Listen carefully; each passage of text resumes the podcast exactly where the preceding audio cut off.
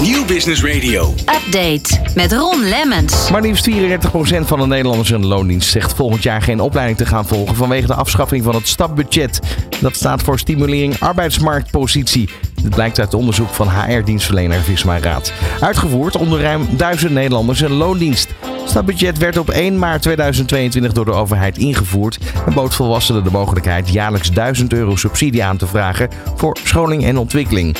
Nou, wat er allemaal aan uh, uitkomsten uit het onderzoek zijn gekomen, ga ik nu bespreken met Joke van der Velpen van Visma Raad. Van hippe start-up tot ijzersterke multinational. Iedereen praat mee op Nieuw Business Radio.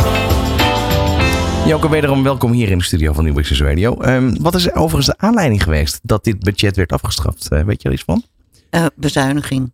Dat, en hoe het is vormgegeven, heeft niet dat resultaat gehad.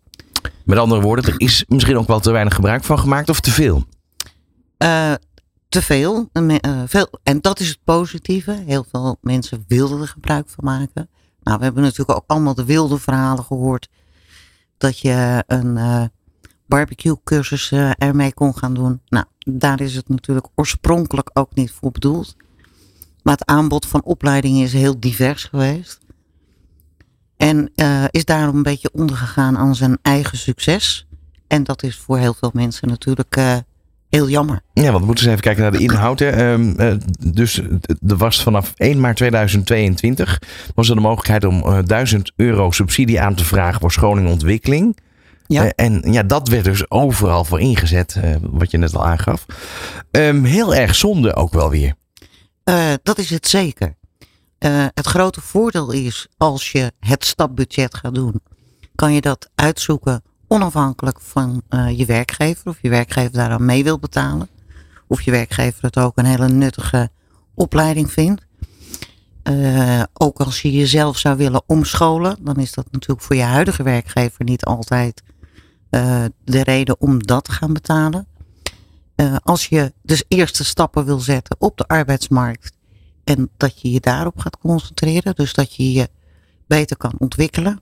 En daarom is het heel jammer dat het uh, komt te vervallen. Want het is in de plaats gekomen dat je het, uh, je opleiding, de kosten daarvan vroeger kon aftrekken.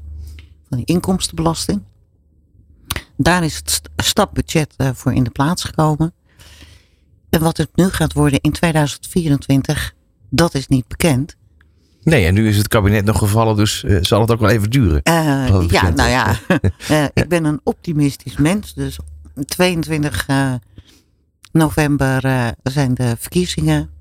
Nou, dan mogen ze nog even juichen. Iedereen dan hard aan het werk. En dan kunnen ze in januari aan de slag. En zeker met dit soort ontwikkelingen. Ik hoop dat dat snel opgepakt wordt. Ja, want, want ja, dat bedoel, dat is misschien ook wel gissen, maar hadden ze niet gewoon de regels kunnen aanscherpen en was het daarmee voldoende geweest?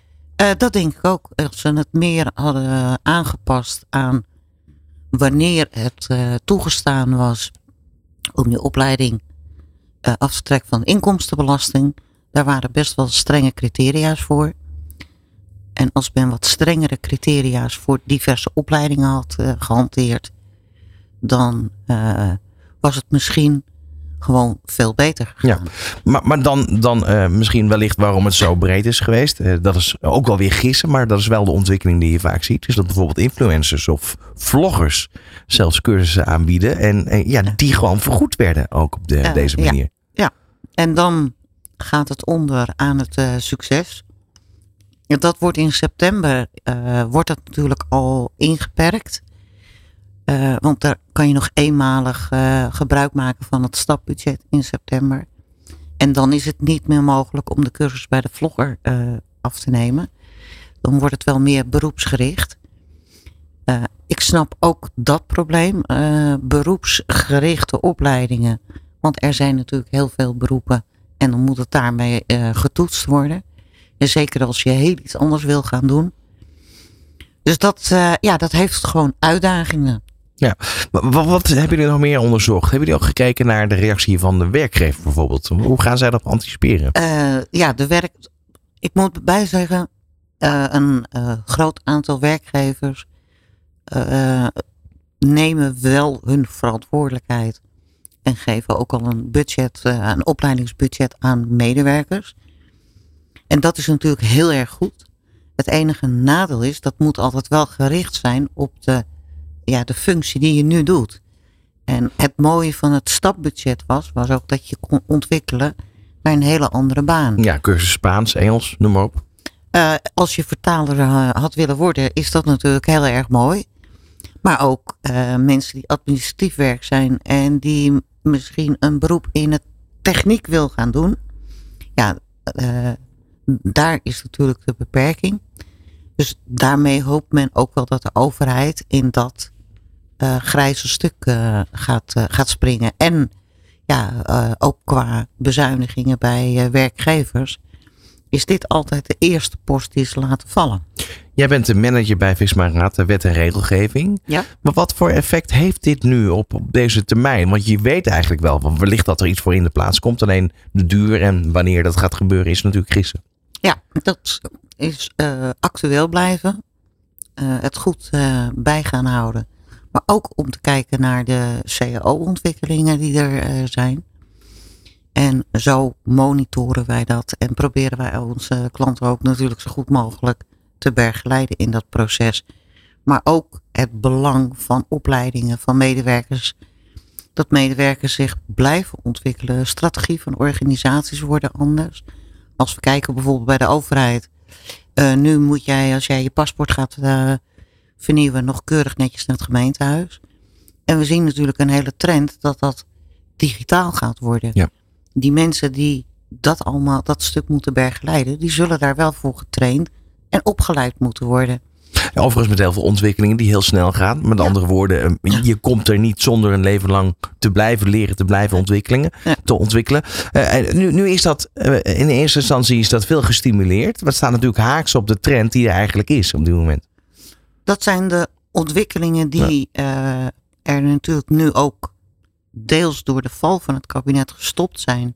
Als we kijken naar minister van Gennep, was het leven lang leren eh, en het actief aan blijven bieden eh, heel erg belangrijk. Ja, en dat eh, stukje stagneert nu tot januari. want ik blijf erbij, we zijn optimistisch.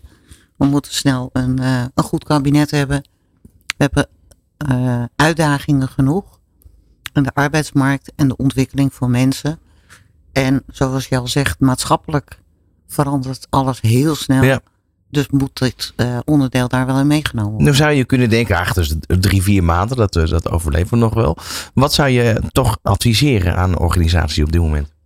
Eh, op het moment of de medewerkers de juiste competenties heeft voor de strategie waar een organisatie naartoe wil gaan. En wat moet ik daarvan doen om de mensen daar wel te krijgen? Want we hebben een krapte op de arbeidsmarkt. Dus de mensen die je nu in dienst hebt, die wil je ook behouden. En die moet je daarmee ook blijven ontwikkelen. Dat ze zich ja, eh, goed staande kunnen behouden in de arbeidsmarkt. Want ehm, toch nog heel eventjes terug naar hoe dat, eh, hoe dat verliep. Hè. De laatste aanvraagdatum was 1 mei 2023. Ehm er was een pot van 34 miljoen euro. Was Nee, binnen... dat was in juni, hè? was de laatste. Oké, ja, maar in ieder geval ehm 34 miljoen binnen drie uur was het op. Ja. Ehm, nu kan ik me ook voorstellen dat, eh, ja, ze gaan het aan banden leggen. Maar dat betekent ook een stukje vrijheid van de medewerker is daarmee wel eigenlijk weg. Als het voorbeeld wat ik gaf, op het moment dat iemand een administratieve functie heeft, en dat ook heel erg goed doet, maar eh, zich misschien wil omscholen voor zichzelf in de techniek, hè, eh, zonnepanelen of het installeren van warmtepompen, of dat hij daar heel veel interesse in heeft. Ja, een werkgever is daar misschien niet in geïnteresseerd. Eh, en nu moet een medewerker, dan moet hij gaan solliciteren. Ik heb geen opleiding, ik heb daar wel eh, heel veel interesse in. En dan moet iemand zich daar natuurlijk ook ga- in de organisatie gaan investeren. Want we hebben een tekort aan, eh, aan vaklui. Dus ja, dan eh, hoe dan ook, linksom of rechtsom, komt het bijna wel eh, bij de werkgever terecht. Is, is dit eh, eigenlijk breed uitgemeten? Want jullie hebben dit natuurlijk eh, nauw in de gaten gehouden. Maar Ja. eh, is dat toch wel breed uitgemeten dat daar heel veel reacties van kwamen of viel het mee? Ik vond het een beetje lauw. Ja. En misschien heeft het te maken met alles wat er gebeurt in de wereld. En dan denken ze, oh ja, nou ja, dat opleidingsbudget, nou ja, dat, dat is er niet meer. En dat is gewoon heel erg jammer. Want het heeft te maken met het ontwikkelen van mensen. Ja. Ook voor de mensen zelf, maar ook voor de eh, werkgevers, dat ze goed opgeleide medewerkers hebben. Ehm, we gaan het zien, hè? Januari zeg jij. Eh, eh, ik hoop het. Nou, in september ben ik hier. Dus nou, misschien in januari nog een keer. Ja, ik wou dus zeggen, laten we anders afspreken als het in januari nog niks gebeurd is, dat we, dat we hier weer over gaan spreken. Zeker weten. Joke van der Welpen van Visma Raad, dankjewel. Van hippe start-up tot ijzersterke multinational. Iedereen praat mee op Nieuw Business Radio.